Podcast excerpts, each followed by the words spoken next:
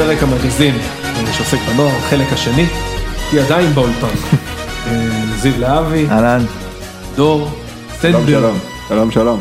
ועומר בוקסנבאום. בפרק הראשון כיסינו את מה שקורה, התחלנו, ניסינו לכסות, אפילו לא נגענו בזה, על אה, מחלקות ילדים, נערים, נוער, שנת הסגר, סוכנים, הבדלים בין מה שקורה אז להיום.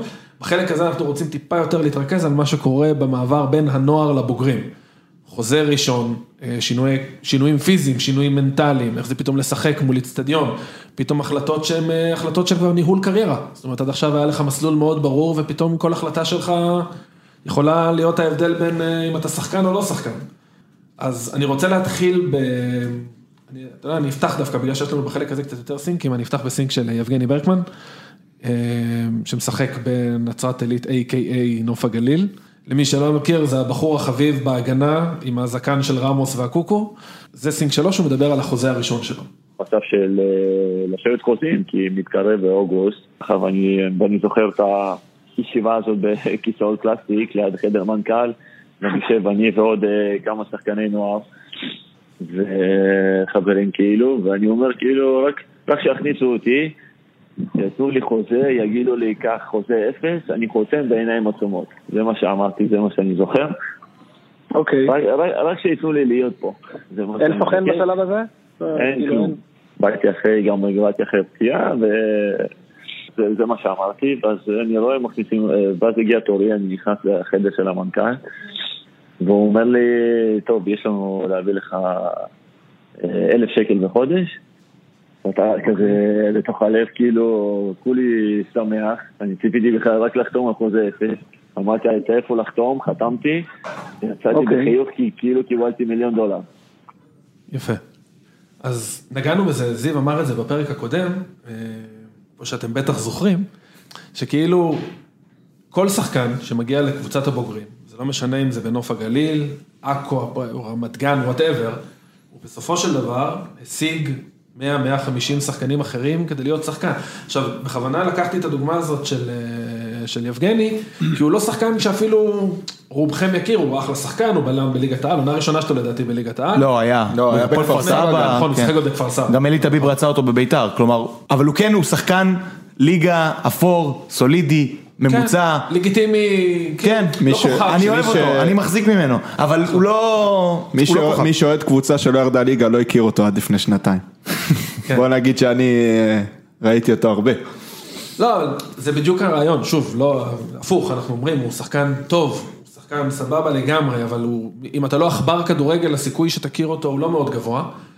וגם שם, המעבר שלו מנוער לבוגרים, זאת אומרת, השלב הזה של החוזה, הוא אפילו לא ידע אם הוא הולך לקבל חוזה. זאת אומרת, אומר, ישבתי מחוץ לחדר של המנכ"ל, וקראו לי פנימה, ואתה כן או לא. זאת אומרת, היום אני מניח שזה עובד קצת אחרת, היום דיברנו על זה שבגיל 13 כבר יש סוכנים לשחקנים. אני לא חושב שגם לחוזה, לחוזה ראשון, אתה יודע, אה, לשחקן בקליבר שלו בזמנו, איפה הוא גדל, באיזה מחלקה? נוף הגליל. בנוף הגליל. אין הרבה משמעות לחוזה. זאת אומרת, אה, החוזה בעיקר מגן על המועדון, לא עליו. כי המועדון אומר בהרבה מקומות, וזה קורה הרבה עם שחקני אה, נוער, דרך אגב, עם חריגי גיל, בעיקר.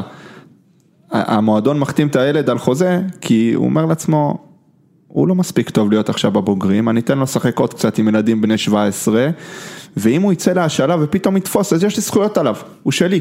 זאת אומרת, הוא שווה לי כסף. לאו דווקא בשביל להחתים אותו כדי שישחק ולפתח אותו. וזה...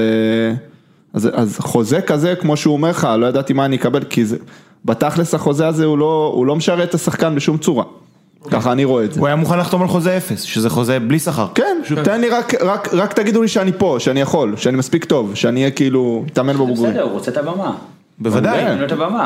אגב, זה גם מה שחשוב. אם תיקח ילד מהנוער ותשים, אותו בבוגרים, אז הוא קיבל במה בליגת העל, זה כבר השם שלו, הוא מוכר לציבור, וכבר בן שנה הבאה... 30 עוד מעט, בן כמה הוא? לא, לא הוא יבגני, בן אני 30, אומר, אני 30 לוקח. דוגמה עכשיו עם נוף, נוף הגליל שמשחקת בליגת העל.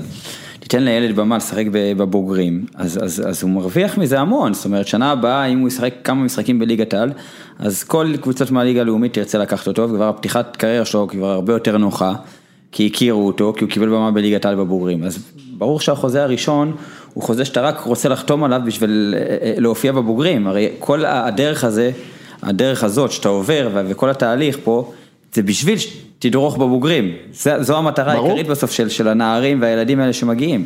העניין הכספי אגב הוא בעיניי מאוד שולי בגילאים האלה, כי גם יש הגבלה נוספת שהיא הגבלה של הצבא. חיילים. שחקנים עד גיל 21 לא יכולים לקבל שכר מעל שכר מינימום לחיילים, שזה מקסימום לחיילים, שזה איזה 5,000 שקל. כלומר, זה לא הכסף הגדול של הכדורגל שילדים... אה, אני, סליחה שאני קוטע אותך, אני וכולם יסכימו איתך. לגמרי חוץ מההורים והסוכנים של אותם ילדים, נכון. שאה הוא 2,500 אז אני גם רוצה 2,500, אבל הצעתי לך 1,700, עכשיו זה גיל נוער, אתה בוא קח 1,700 שקל, אבל למה שמעתי שאילי מרוויח 2,700, אני גם רוצה, על, לא יודע, על 400 שקל שלא יודע, שסוכן אחד הוציא, יש לך מלחמות של אגו וטירוף. סביב הדבר, הזה, זה כל כך, זה כל כך, ב- בוודאי, זה ברור. כל כך פוגע ואני כל כך מסביר את זה להורים, לשחקנים, אתה שומע את עצמך? הוא צריך להתמקד בלהיות שחקן בוגרים. אה, בואנה, הוא עשה עכשיו ארבעה משחקים טובים בנערים א', תשמע, אני רוצה שנפתח חוזה.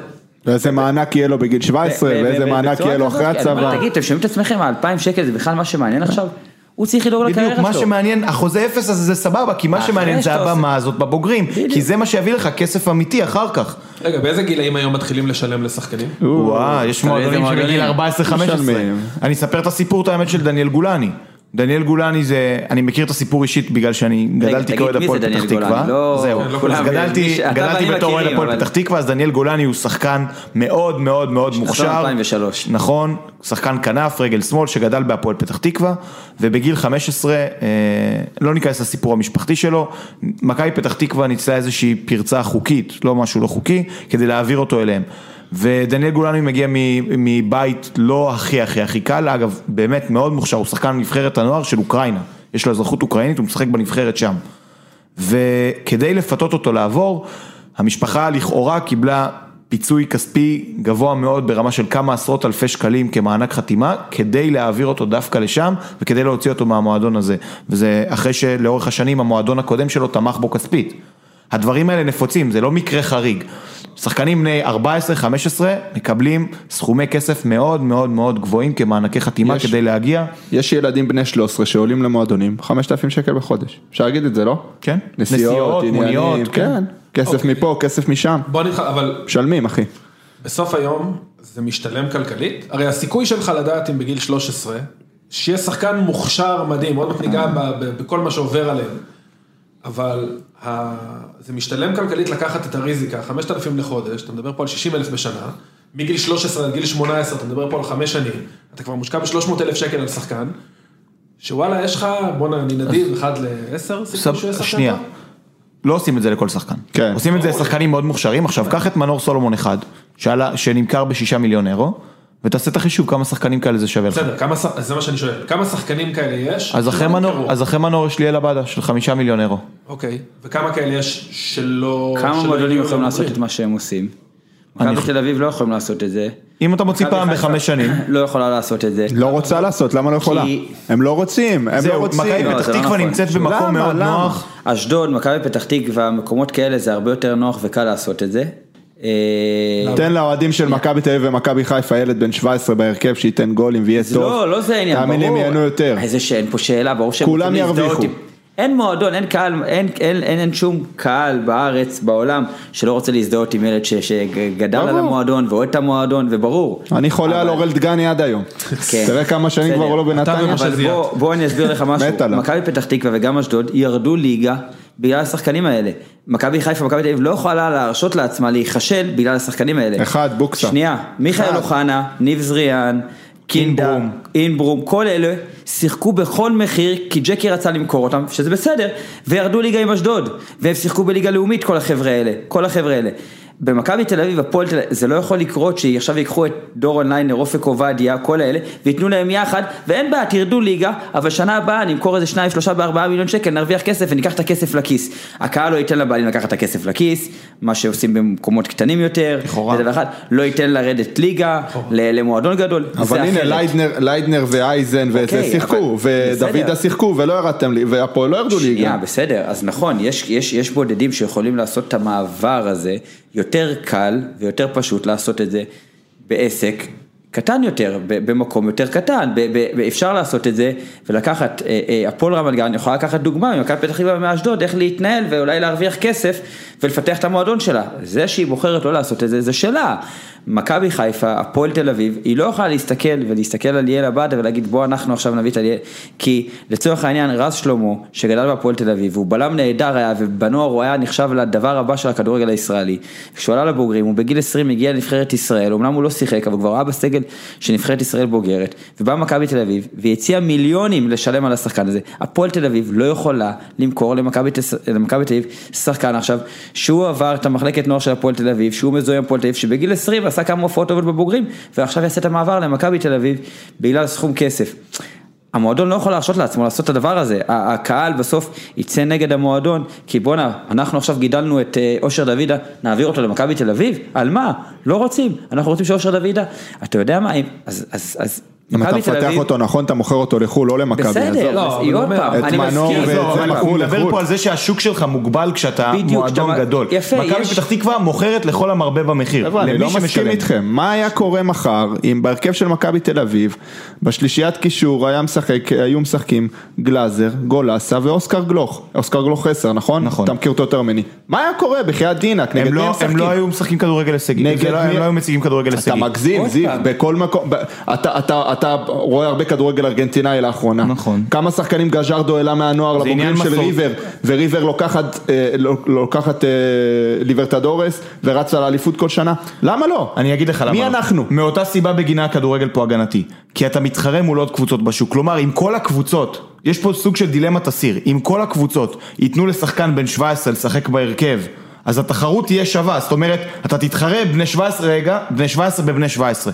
בגלל שהמצב פה הוא כזה שהקבוצות האחרות משחקות עם שחקנים מבוגרים, מנוסים, שלא צריך לתת להם זמן להשתפשף, אתה לא יכול להישאר מאחור, איך זה נראה? אבל איך זה נראה? והשורה התחתונה היא שבסוף כל הכדורגל הישראלי מפסיד, לכן זו דילמת מה יש אסיר. בליגה הזאת? רגע, שנייה, כאילו, שנייה, למה שילד שנייה. בן דור, אני לא אוהב את 17... הדיבור דור, הזה. שנייה, מה דור. יש בילד בן 17, שנייה, מה יש בילד בן 17 ש- שהוא ברמה, בוא, תאי עבד משחק בפסו, בנוער. סבבה, הוא מספיק טוב כדי להיות בנוער של פסו, הוא לא מספיק טוב כדי לשחק בליג, ב- ב- בגיל 17 או בגיל 18 בבוגרים של קבוצה בליגת לא העל. תמיד, רגע, שנייה, חשוב, בחייאת. שנייה, חשוב, חשוב להגיד משהו, אתה, אתה רץ קדימה, מה שאני רציתי להגיד לגבי המועדונים, שכל מועדון לא יכול להסתכל אחד על, על השני, כי כל מועדון יש לו את, ה, את הדרך שלו, ואת הקהל אוהדים שלו, ואת הפילוסופיה שלו, ואת כל הדבר הזה שנקרא מועדון כדורגל, זה, זה דבר אחד. דבר שני, לגבי מה שאתה אומר פה, זה לא עובד ככה.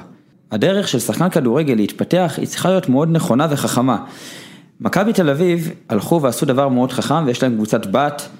אה, בישראל, שזה דבר מבורך ומאוד חשוב שיהיה, וכל הגלאזרים ויונתן כהן, שחר וחוז- פיבן.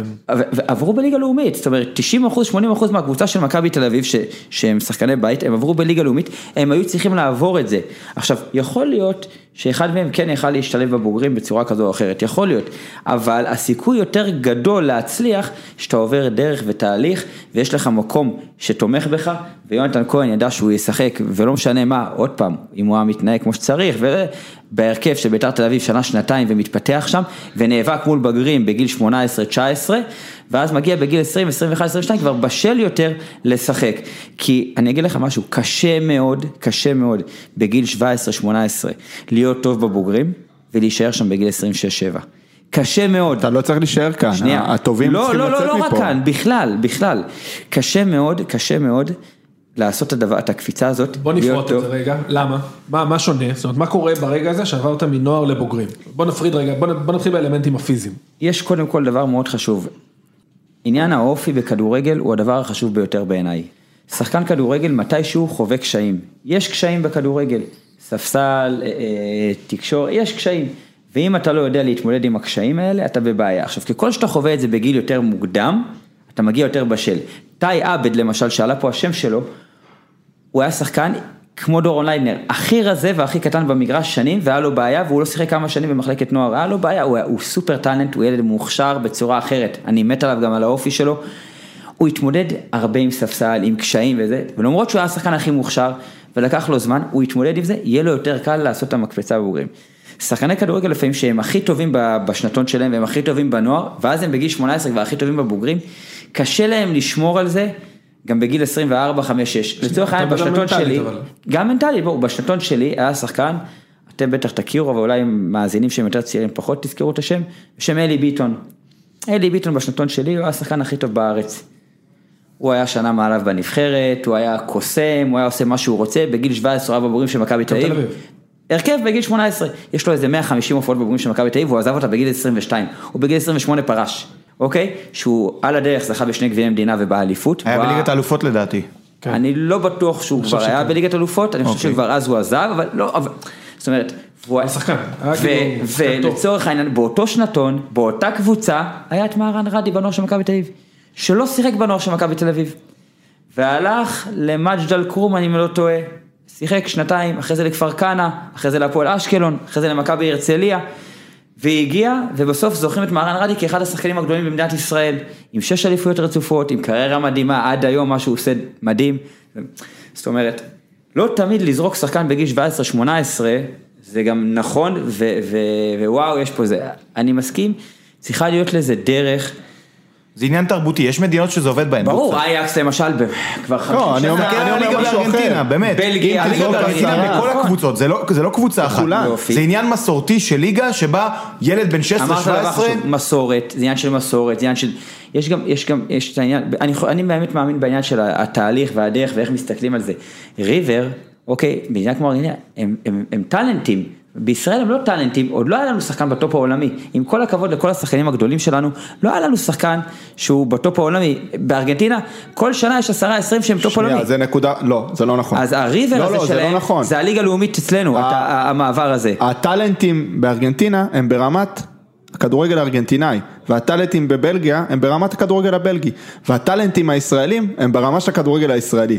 השאלה איך אתה יכול לעשות את ה upgrade הזה. לא, אבל ואני הפוטנציאל חושב- שלהם הוא יותר גדול. עזוב, אני לא מסתכל החוצה, אני מסתכל פנימה. אני מסתכל פנימה, בוא נהנה מהכדורגל, בסדר? מילדים. אני אומר, אתה אומר יש קשיים וילד כמו אלי ביטון יכול לשחק ארבע עונות ולפרוש ילד בגיל כמו אלי 28, ביטון זה ילד. גדול.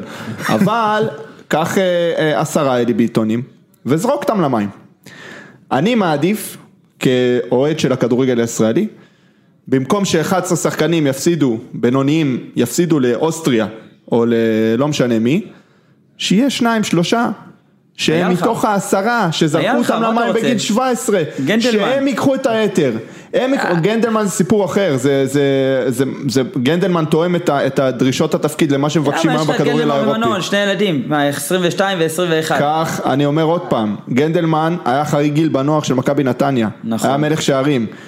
ילד בן 20 שמשחק עם ילדים בני 17 זה חולה. לא, לא זה לא תמיד. בריא בשום צורה. לא תמיד. זה לא בריא בשום לא צורה. במקרה של גנדלמן זה לא בריא. הוא לא לא צריך בריא, לשחק. אה, אני נכון, זה בריא כשזה שחקן. שהוא שהוא קטן פיזית ואתה צריך לתת לו, ו- יש ופה שחקנים- אנחנו החריגי יכולים נוער, להתחבר החריגי לנושא של גיל מעבר. בנוער, החריגי גיל בנוער, לא רק שזה מעכב את ההתפתחות שלהם, הם גם תופסים מקום של ילדים שעלו זה לא מנערים נכון, א' ולא זה לא משחקים. נכון, זה לא נכון, בוודאי, זה לא נכון, זה לא נכון. בוודאי. זה הם נורא קל להגיד, זה רחוק. שנורא קל. לדבר אליה ולהיתפס אליה.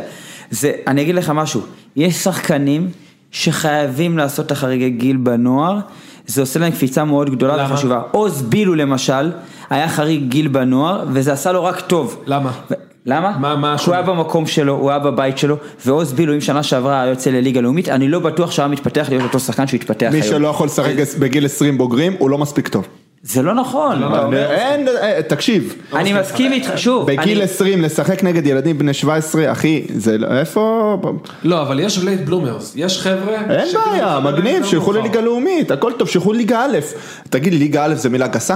ילד שהיום מסיים שנתיים בנוער, והוא אחלה שחקן, הוא לא מספיק טוב לא כדי לשחק בקבוצת האם אבל שלו. עדיף לך להישאר לפעמים בנוער של אשדוד מאשר ללכת לליגה א', מסיבה, אני, אני אומר לך, בליגה א' ההתנהלות, שוב, מלבד מקום שניים שמתנהל כמו שצריך, ההתנהלות לא נעימה. רוב השחקנים עובדים במהלך השבוע, באים לאימון, באיזה, לא מתנהלים שם תמיד ברמה הכי רצינית, יש גם מקרים נכון שמתנהלים בצורה, אבל רוב המקומות בליגה א', אתה מעדיף להיות בנוער של מ"ס אשדוד, שההתנהלות מאוד מקצועית ויש לך אופק לבוגרים ואתה תואם מהבוגרים ומתאמן איתם, מאשר ללכת לליגה א' ולהתפתח ולהיאבק מול, מול שחקנים גדולים. אתה צריך אופי מסוים, אחרי שהתרגלת לאיזשהו מקום מסוים שאתה רגיל עוד פעם, הדברים האלה הם צריכים, כל שחקן וכל אחד צריך לדעת איך לגשת אליו ואיך זה, בשביל זה יש באמת, צריך להיות מישהו מלמעלה ולהגיד רגע עוז בילו, כדאי שהוא יהיה חריג גיל, כי אם הוא יעבור, סתם, נתפסתי על עוז בילו. כי אם הוא. לא יהיה חריג גיל, נרד ליגה. לא, איפה? זה בדיוק? מה שקורה, אחי, לא. תקשיב, אה. ברוב הקבוצות זה מה שקורה. אני מסכים,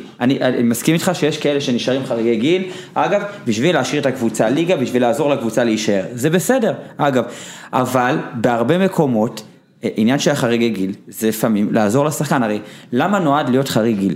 חריג גיל זה נועד לשחקן שיתאמן בבוגרים, ואם הוא לא משחק ביום שבת, שלא ייפגע לו ה-90 דקות, הרי בשביל זה אין לנו under 23, מה שיש בעולם, הליגת פיתוח הזאת, אין פה, ברוב המקומות יש את זה, אז שלא, עכשיו שיש ילד מוכשר, למשל, כמו, לא יודע, אה, אה, אופק בלס והפועל תל אביב שנה שעברה, שלא שיחק דקה, ויכל להיות חריג גיל להשלים 90 דקות כל שבוע, אז הוא לא היה אז, אז הוא לא היה נפגע מבחינת הקצב משחק, כי הוא משחק כל שבוע 90 אבל דקות. הקצב לא אותו דבר. זאת אומרת, בוא ניגע רגע. אין פה שאלה, אבל עדיין 90 דקות, אתה אומר, זה 90 עדיף דקות. לא דומה, זה לא דומה ברור, לבוגרים, אושרי, זה לא דומה לבוגרים.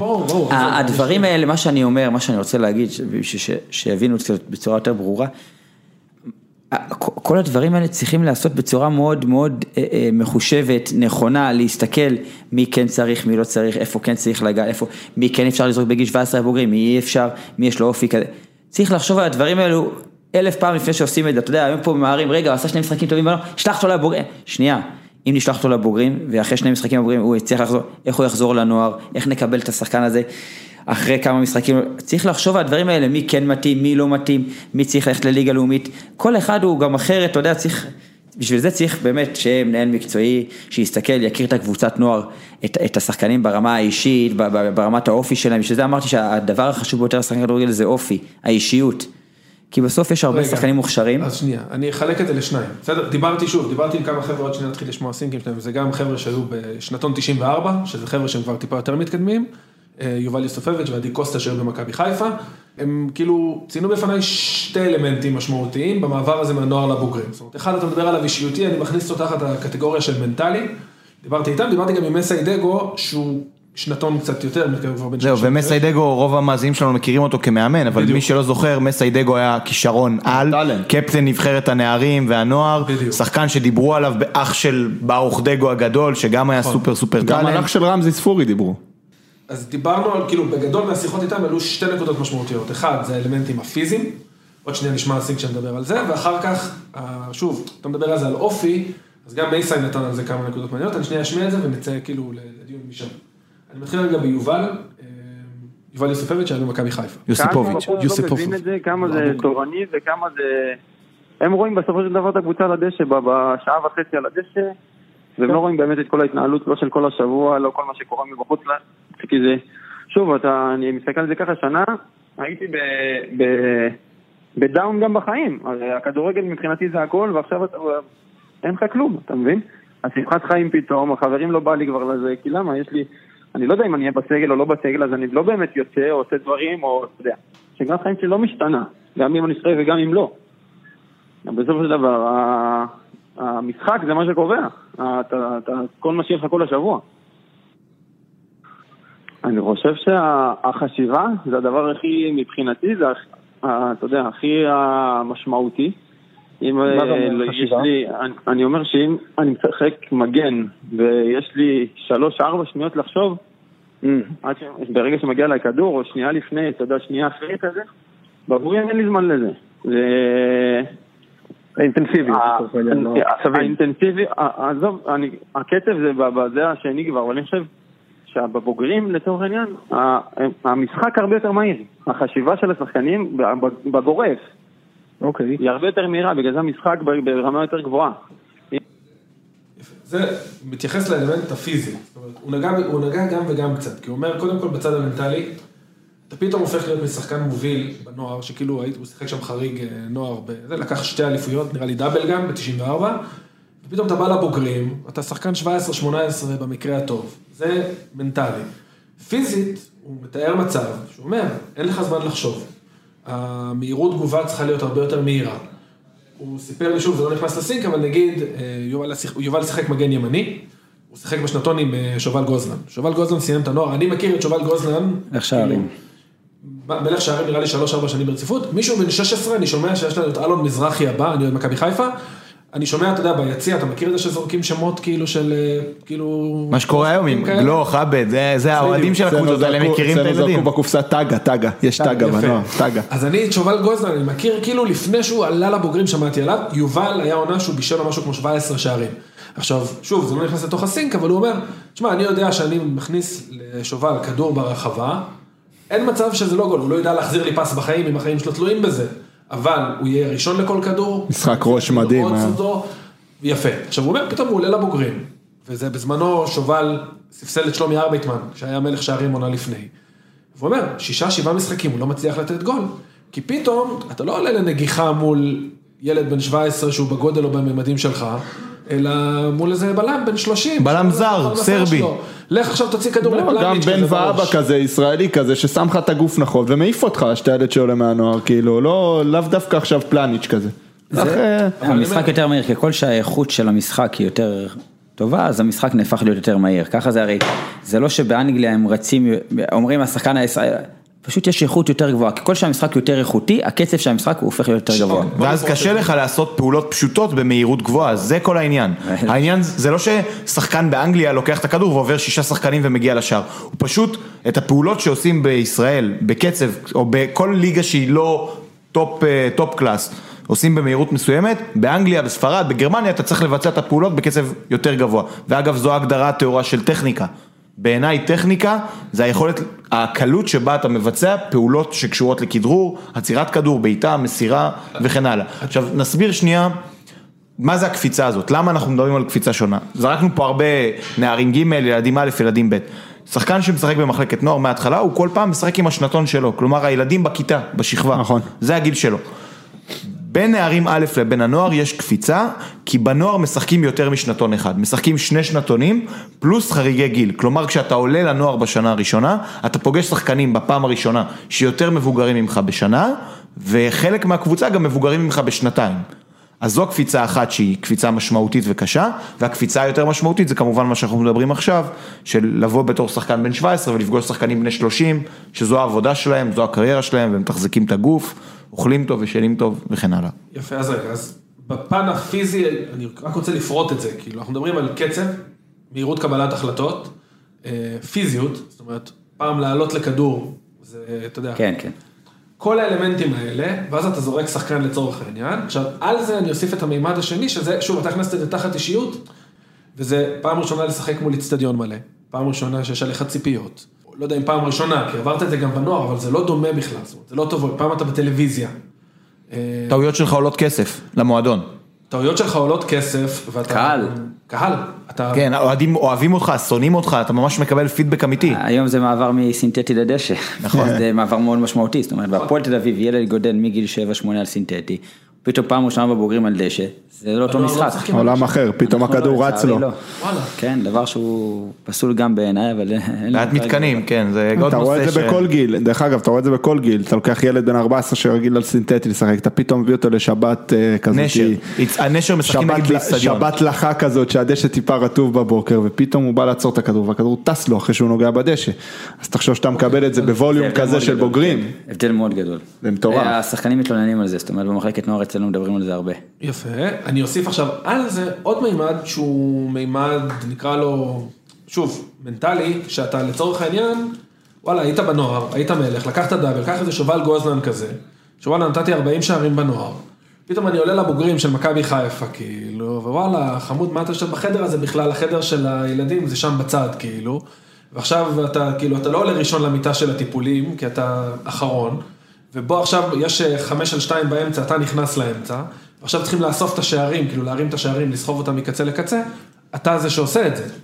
אתה גם בראש, פתאום אתה הופך מאלפא, כאילו וואלה, אני הקפטן של הנוער, אני כאילו, כן. המאמן דופק לי חשבון, מסבירים לי אם אני לא בהרכב, לזה שהמאמן לא משתמש אפילו בשם שלי. אתה בא מלמטה, ברגע, ש... ברגע שבתרבות שלנו, זה אופי. ברגע שבתרבות שלנו אין, אין, את ה, אין את הקטע הזה של לפתח את השחקן ולהעלות אותו בגיל צעיר ולתת לו את הבמה, אז כל פעם שעולה מישהו בגיל צעיר זה כמו ליקוי חמה. וכל ה, כל ה, כל ה, הקשיים שלו הופכים להיות הרבה יותר גדולים, כי אתה מייצר בעיה, זה כמו, אה, אתה יודע, נבואה שמגשימה את עצמה. אני אתה אומר לו כמה עליך. יהיה לו קשה, אז קשה לו. אני כאילו, עוד פעם אחלוק עליך. אני חושב שדווקא בשנים האחרונות, ואני חושב שהקורונה גרמה לזה מאוד, אה, אחד השינויים שהקורונה עשתה בכדורגל, במיוחד בליגה פה, היא לתת במה לצעירים. אני חושב שמאז העניין עם הקורונה, שהליגה הפסיקה לאיזשהו זמן קצר, ואז כל הזרים עזבו וזה, אה, הרבה צעירים קיבלו את הבמה שלהם, הוכיחו את עצמם, ומאז הקורונה, שזה כבר שנתיים אוטוטו, יש אה, אה, אה, כמות מאוד גדולה של שחקנים צעירים שמגיעה. מעולה, אז אתה מחזק את מה שאני אומר, אני כן, אומר, לא, תנו לא, להם. אבל, בסדר, אבל גם זה, אגב, עוד פעם, הדברים האלה, אני, אני, אני נורא תומך בשחקן הישראלי, ובטח השחקנים הצעירים, אני נורא אוהב ומאמין בהם גם, אגב, אני חושב שהם יכולים להתפתח, להיות נהדרים. חשוב פשוט לעשות את זה בצורה נורא מבוקרת, בצורה נורא נכונה. אני, אני עובד פשוט עם החבר'ה האלה, אני יודע מי מתאים לו עכשיו לזרוק אותו הבוגרים בהפועל תל אביב, שאחרי שניים שלושה משחקים הוא גם יוכל להיות בספסל, ואולי גם אחרי זה לחזור לנוער והכל יהיה בסדר, ומי אם עכשיו אני אעלה אותו לבוגרים של הפועל תל אביב, ישחק שניים שלושה משחקים, קצת לא יהיה טוב, יצטרך לחזור לנוער, והפסדתי אותו ככדורגלן ויהיה לו קשה מאוד ל- אגב, אני, לא להרים חושב את שזה. אני לא אומר לך את זה בצורה, אתה יודע, פרועה, זרוק אותם לנוער, לא, לא, זרוק אותם לבוגרים. אני מאמין ש, שבכדורגל הישראלי יש בכל שנתון את השבעה, שמונה חבר'ה, שוואלה, יש להם את הכלים להתמודד בגיל 17, 17 וחצי, 18 עם בוגרים, בכל קבוצה, בכל קבוצה. לא לאוסקר בטוח גלוך, שזה יתאים הלאה. לאוסקר גלוך יהיה יותר קל אה, לשחק עם גלאזר וגולסה, מאשר לשחק בנתניה עם אביב אברהם ואינו, סבבה? יהיה לו יותר קל. בוא ניתן לו, מה יש להפסיד? כי בכל מקרה התוצר אליפות. הסופי, אתה, בסדר, לא- יפסידו תגיד- אליפות גם ככה, זה לא כזה בסדר. אתה- אבל הם מפסידים אליפות גם ככה. לא, עזוב, אז במכבי חיפה. אוקיי. שלא. יפנו, לא מפסידים עשר אליפות גם שנים לא ככה. לקחו אליפות, כמה שחקנים גוזלנים כאלה ש- לא שהיו אליפות תותחים. בנוער, אחי, מוחמד עווד בנוער, בגלל- הרי יש לי המפלצת. אסמאעיל דור. ריאן, דור, יש לי שאלה, שחקנים. שאלה, מה מכבי חיפה מעדיפים, אוקיי? מה מכבי חיפה מעדיפים? שיהיה להם ארבעה חמישה שובל גוזלן בהרכב, והם יהיו ידשדשו כמו שהם דשדשו בעשר שנים. או שיקחו אליפות עם עומר אצילי ושרי. סבבה, תודה רבה. אז אה, חבר'ה, אה, האידיאלי זה לשלב, אתה יודע, אה, יש לנו אז יש לך, עופרי יש ויש לנו נטע. אז יפה, איפה עופרי ארד היה? בהפועל רמת גן? אבו פאני בהפועל רמת גן? בחדרה? עברו, את יפה, זה מה שאני אומר. אז מחמוד אתה צריך ג'אבר לשלב בנוף הגליל. אז עכשיו גם. אגב, מכבי חיפה העתיקה ממכבי תל אביב, והלכה עם עפולה, ועושה עכשיו קבוצת בת, דרך עפולה, לכאורה. כן, אני היועץ המשפטי שלך פה, בוקסה, אני... אתה מבין, אז... עוד שנייה נגיע גם אז זה, מאוד חשוב, עכשיו מזהים את זה, כמו שדיברנו, ליגה לאומית היא ליגת פיתוח, ו- ומאוד חשוב לשלוח את החבר'ה האלה לשחק שם, וגם אוסקר גלוך הוא טאלנט במחלקות נוער, הוא צריך ללכת לביתר תל אביב שנה הבאה, הוא אגב, הוא שנה ראשונה נוער, הוא היה חייב לעשות, ולסיים יכול להיות שהוא. יכול אבל אה, באמצע שנה, הוא- אני מסכים להיות. שהוא היה צריך ללכת, אה, כאילו, לא צריך שהוא היה צריך לשחק בנוער הוא קודם היה כל, חייב, שנה 2004, הוא מסכים. שנה- שעברה הוא לא שיחק דקה בנוער, הוא השנה מסמן ויה ליגת העל לנוער, שנה הבאה ילך לביתר תל אביב, תשחק שם להערכתי. כבר בינואר אולי הוא יכול, אבל בסדר. יכול שגם הוא ייקחו אותו לבוגרים של מכבי, אבל שוב, יש דרך, וזה מאוד עובד, אגב, תשמע. ומגיע למכבי תל אביב, באמת, שאפו ענק על זה, כי הם, לקחו אליפות בתהליך הזה, נכון. של קבוצת בת, הם שלחו לשם המון שחקנים, חלק אגב לא חזרו, אבל חלק גדול חזרו, ומכבי תל אביב, אני חושב שב-15 שנה האחרונות, היא הקבוצה היחידה שלקחה. אליפות עם הכי הרבה שחקני בית.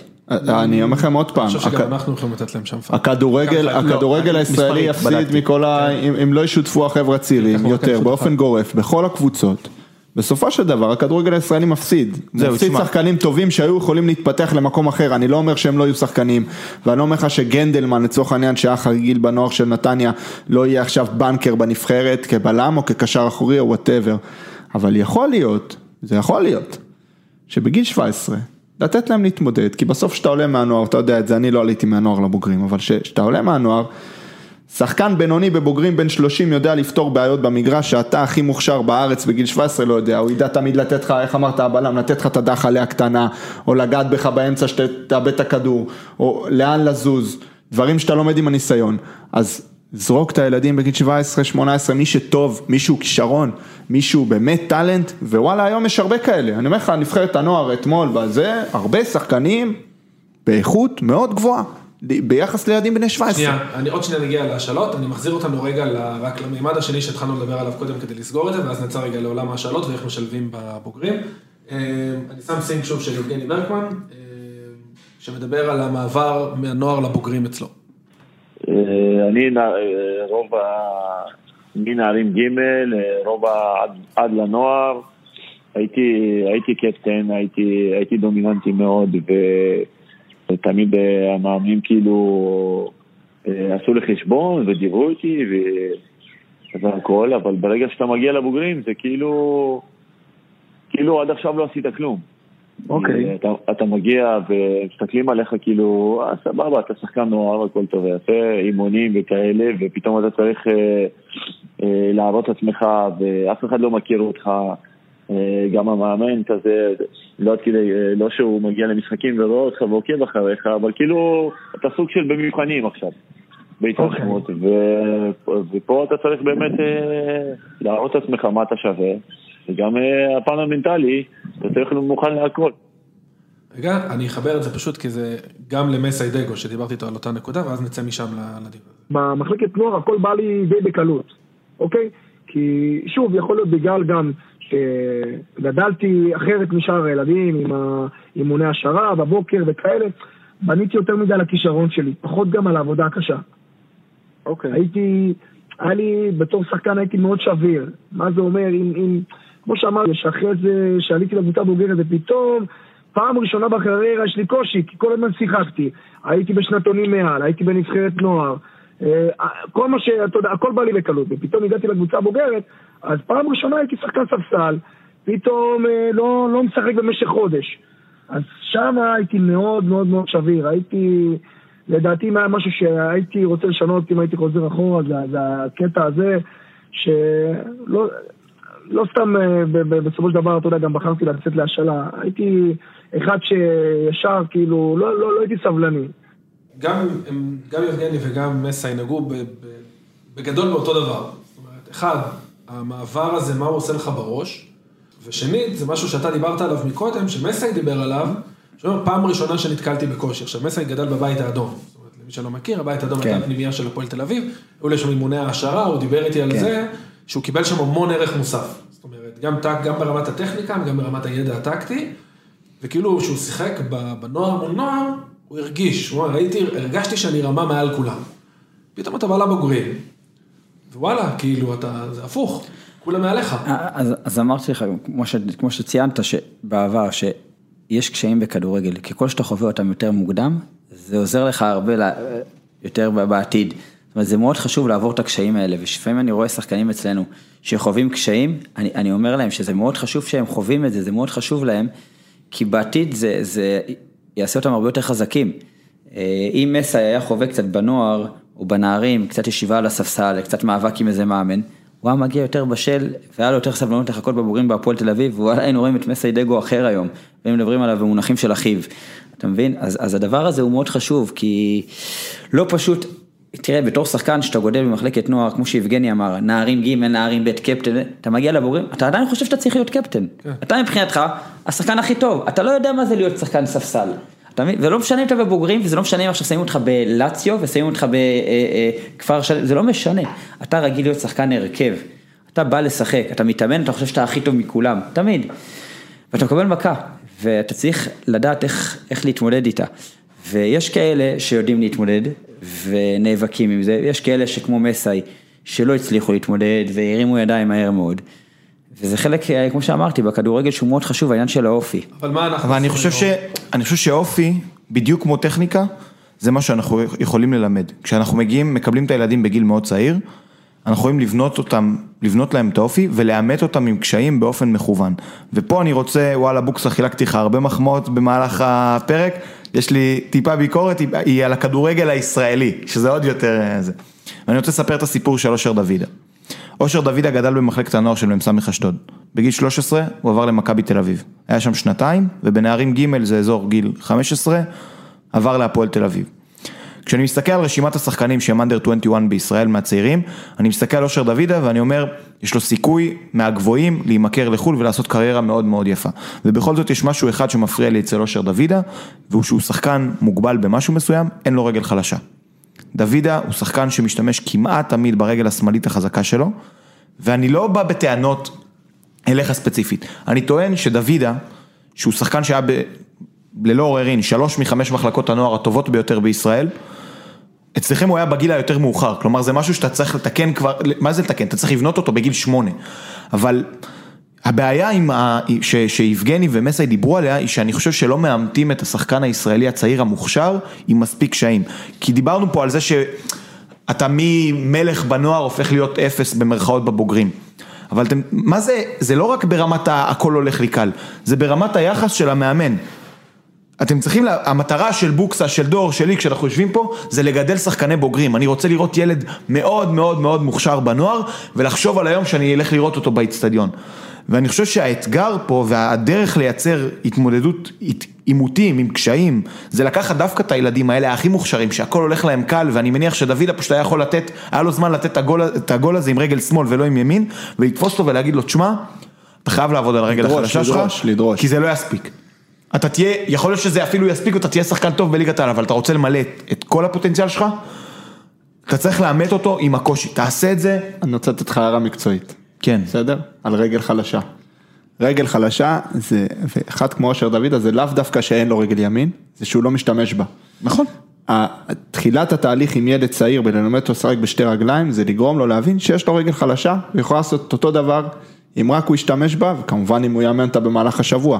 אבל ההחלטה ללכת לרגל החלשה, זה הדבר החשוב. אני לא יודע איך הרגל ימין של אושר דוידה, לא ראיתי אותו מתאמן, אני משער שהוא יודע לתת גולים בימין. אה, ואני משער שה... עוד פעם, כמו שאמרת. ניתפו אותו, כן. היה לו בנערים אה, ג', בנערים ב', בנערים א', היה לו את השתי שניות לעבור לרגל שמאל ולבעוט. אתה מבין, לפעמים ילד בן- בן 10, 11 נותן לך גול באימון, אחרי שהוא במקום לבעוט ברגל החלשה, העביר לחזקה ודפק גול מהסרטים.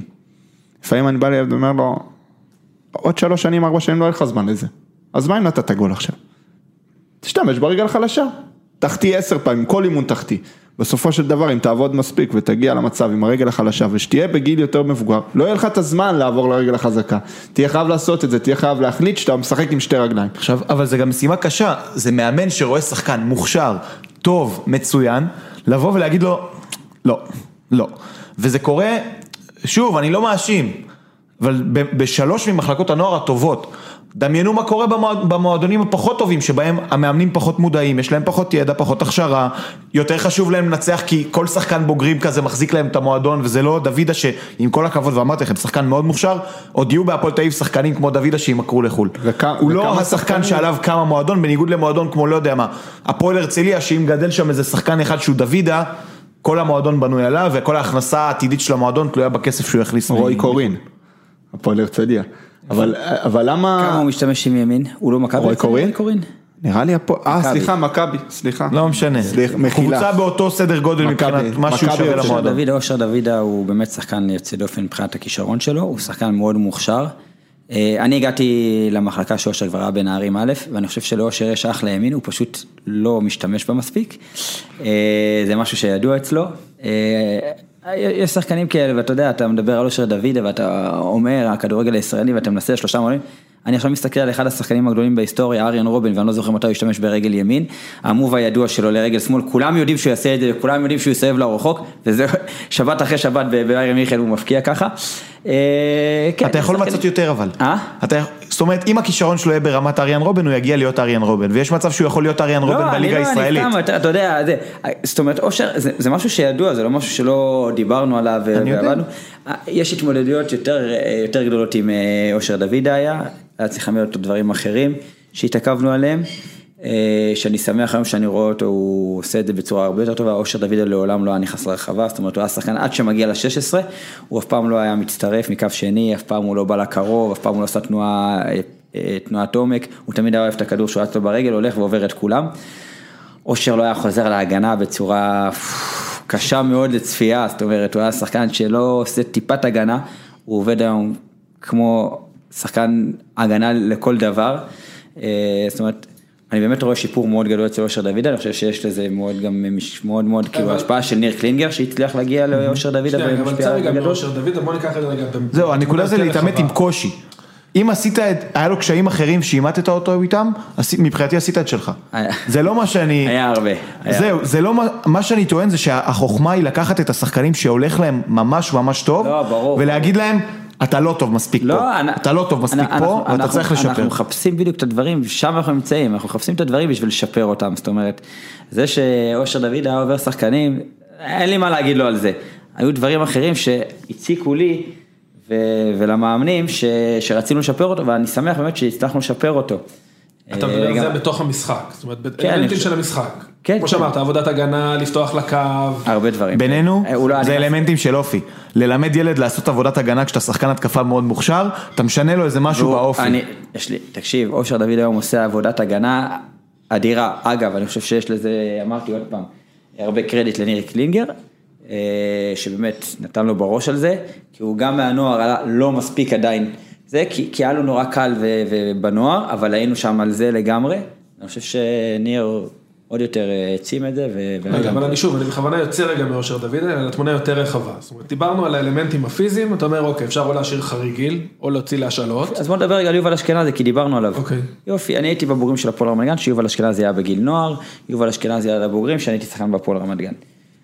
אני יכול להגיד היום, שיובל אשכנזי אחד השחקנים הטובים בליגת העל, שהוא לא התאים לבוגרים של הפועל רמת גם לא בליגה לאומית אגב. מבחינת יכולת? מבחינת פיזית, אוקיי. יובל אשכנזי היה השחקן הכי רזה בקבוצה, הוא לא יכל לשים גוף לשום שחקן בוגרים, הוא היה תמיד אה, השחקן שרץ הכי הרבה, תמיד הוא היה מאוד אינטנסיבי, הוא היה, אני חושב שהוא היה קפטן קבוצת הנוער גם, הוא שיחקה בליגה השנייה, ראיתי אותם משחקים, הוא היה נהדר, הוא היה בכל מקום במגרש.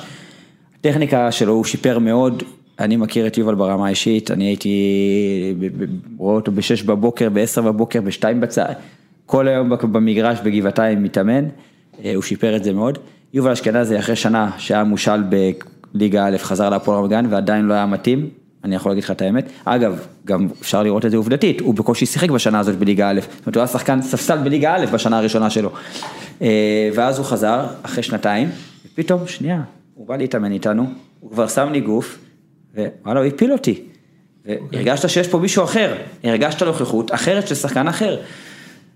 הוא בא עם הרבה מרמור, אגב, הוא בא עם הרבה מרמור לדבר הזה, וכבר בהפועל רמת גן ראו שיש משהו אחר ורצו אותו. הוא כבר לא רצה להישאר כי הוא היה פגוע מהמועדון שלו. כן, עזוב אבל יופי, אתה אומר לצורך אבל ראית, אתה, מה שאני רוצה להגיד, שראית שיש פה התפתחות של שחקן כדורגל, שאגב, דיברנו על אפרופו על אופי, שלא ויתר, שהלך, התאמן, עבד, וחזר הרבה יותר בשל לבוגרים, בגיל 17, 18, 19, חד וחלק, הוא לא התאים לליגה לאומית. מה היה קורה אם הוא היה מקבל את הגוף מהשחקן בליגת- בליגה הוא א'? לא יכל, הוא היה, בגיל תקשיב. 19 שהוא היה חריג גיל בנוער. אה, מה היה קורה? תקשיב, תקשיב. הוא היה אם מקבל עוד עוד... אחראי בבוגרים של הפועל רמת גן בגיל 19, אוקיי? לא, לא שם. היה הולך לליגה א'. אמרת שהוא אז הלך הוא הלך לליגה א'. לליגה בגיל 19. למה? הוא היה חריג גיל בנוער? לא, הוא הלך בגיל 19 אה, לליגה א'. נוח לא לו, הוא בגיל נהיה 20 שחקן, הוא תראה איזה שחקן הוא, חבל על הזמן.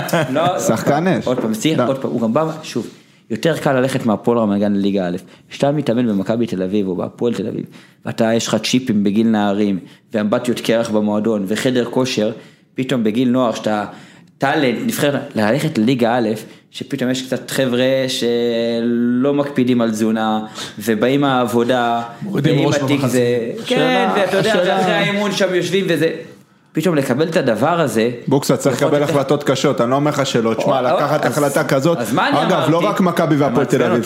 גם שחקן, מה אני זה? טוב מאוד, צריך כל אחד. לראות מה מתאים לו, זאת אומרת, זה. אינדיבידואל, יכול להיות שאני אקח שם של שחקן בהפועל תל אביב, שאליאם קצנפונסקי, אני יכול לשלוח אותו לליגה א', כי הוא בא מהפועל תל אביב צפון, והוא התמודד עם כש... וואלה, אתה יודע מה, הוא מתאים שנה הבאה, סתם אני אומר. ועומר סניור, אם אני אשלח אותו לליגה א', מחר הוא שחקן. מכדורגל. מחר הוא פרוש מכדורגל. עומר סניור בגיל נערים הלך פעם אחת עם נבחרת, עם נבחרת הנערים, ישר לקחו אותו, הטאלנט, לקחו אותו לנבחרת הנערים. במשחק הראשון הוא לא פתח בהרכב, הוא התקשר, הוא רצה לחזור הביתה, לא כי הוא, התב... הוא לא ידע מה קורה עליו, לא רצו אותו בנבחרת. בא סאלח הסלאם אמר אני לא רוצה את עומר סניור, הוא ילד מדהים. ברמת האופי שלו, הוא לא היה בשל לשבת על הספסל בנבחרת הזה, היה לו קשה להיות בחו"ל, שבוע מחוץ לבית, הוא לא היה שם.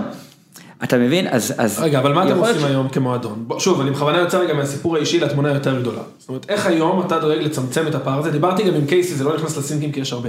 קייסי אמר לי במפורש, שוב, אנחנו מדברים, הוא יליד... אה, הוא- אדורם קייסי. אדורם קייסי, כן. לא נועם. כן, לא נוער. אבל הוא אמר במפורש, הפערים היו גדולים מדי. הפער שלי מנוער לבוגרים, גם מנטלית, גם פיזית, היה גדול מדי, איבדנו המון שחקנים בדרך.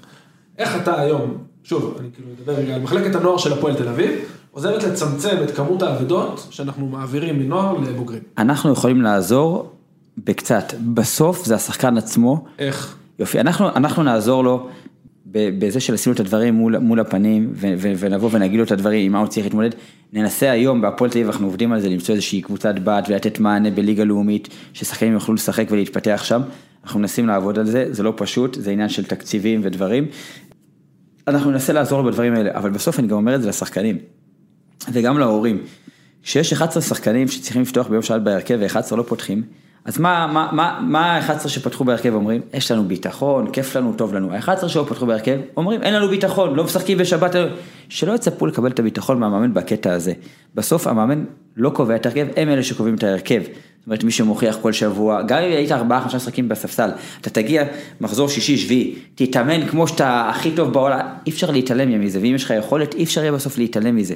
זאת אומרת, השחקן צריך להבין שהוא צריך לעבור, ובגלל זה דיברתי על העניין של האופי. הוא צריך לעבור איזשהו תהליך, ואם הוא ילך לליגה לאומית, והוא היה רגיל להיות קפטן נבחרת ישראל בנוער, אבל מה לעשות עכשיו, וגם בליגה לאומית הוא צריך להתמודד רגע עם ספסל, הוא צריך לעבור את זה, יש לו יכולות. איך מאמנים אופי? זה מה שאני מנסה להבין. זה, זה חלק, עוד פעם, צריכים, הם צריכים לחוות ספסל גם במחלקת נוער, גם השחקנים הגדולים ביותר, וגם אנחנו צריכים, בגלל זה אמרתי שדיברתי, אתה זוכר, על העניין של המאמן מנטלי, יש לנו מאמנים מנטליים בכל קבוצה, אה, שיחות אישיות, יש לנו הרבה שיחות איתם, אנחנו נותנים להם המון דוגמאות, אה, שוב, אין כמו עובדות, כדי זאת אומרת, להקל את אתה- זה? זאת אומרת, אתה צריך ש- להיות האיש הנכון שנוגע בנקודה הנכונה, בנקודת זמן ההיא, ווואלה זה, תשמע, זה לא עובד לך עם כל אחד. לא, אני חושב שעומר ואין דרך. אחת, אין דרך אחת, וכל ילד הוא, זה אגב, זה גישה בחינוך, זה לא רק ב, עם חבר'ה כן, בוגרים. אני זה- מסכים איתך. כל אחד הוא יחיד ומיוחד, אתה צריך לדעת לגעת בו וגם מה להגיד לו וגם מה נכון עבורו. תשמע, ואם דיברתי- אם, אם, אם הכוונה שלך היא, כוונה נכונה, אז אני משער שגם האחוזי פגיעה שלך והיכולת שלך לעזור ליותר ויותר שחקנים יותר גבוהה. לא, אני חושב שמה שעומר אמר, דיברתי שוב, זה שוב, לא נכנס לזה, אבל דיברתי אני מחזק. אותו, דרך לא, אגב, לא, אני חושב. שהוא...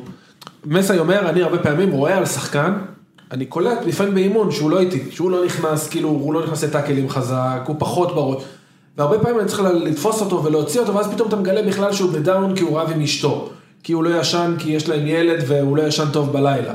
עכשיו הוא אומר, אני, אם אני מאמן 25, לצורך העניין ילדים, או, או אם הייתי מאמן נוער עם 25 ילד כאלה, הסיכוי שלי לפספס לפחות שלושה, ארבעה, חמישה כאלה הוא מאוד גדול. אז נראה לי שמה שעומר אמר, זאת אומרת, זה שיש יועצים מנטליים, או מישהו שיושב עם הילד ומסביר לו, תשמע אחי, לפעמים אתה תשב בספסל.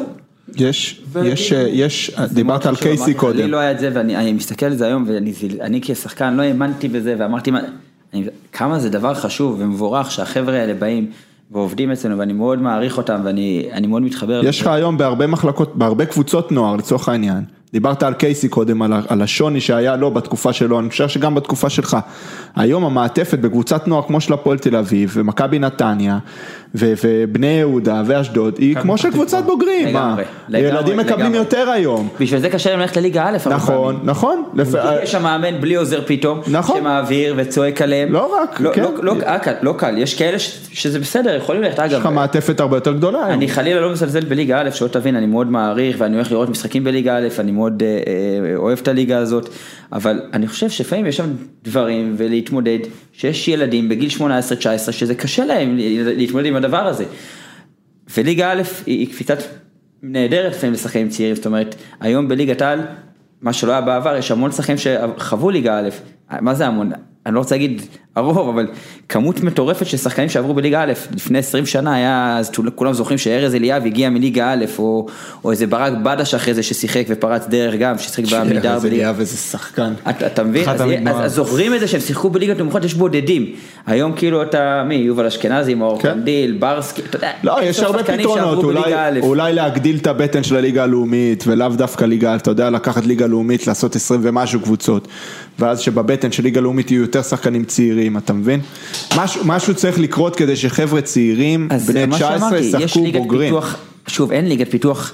אה, כי אה, ליגת מילואים אין תחרות, אל תשכח. ליגת מילואים, אתה לא לוחץ על הגז עד הסוף כמו שתלך תשחק מחר אה, אה, אה, כפר שלם נגד עפולה, יעופו גיצים, תלך לשחק עכשיו המילואים של מכבי תל אביב נגד המילואים של הפועל כפר סבא, כאילו, וואלה זה לא יעניין לא כלב.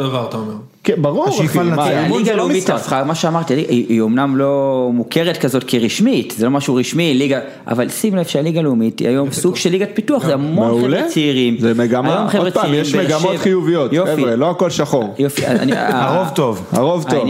העניין, זה ש, שבהרבה מקומות בעולם יש את הליגת פיתוח ואנדר 23, זה, זה, זה מאוד חשוב, גם שחקן סתם בוגרים שחוזר מפציעה, הוא יכול לשחק רגע בקבוצה השנייה ולחזור לקבוצה הראשונה שהוא בכושר כבר יותר טוב.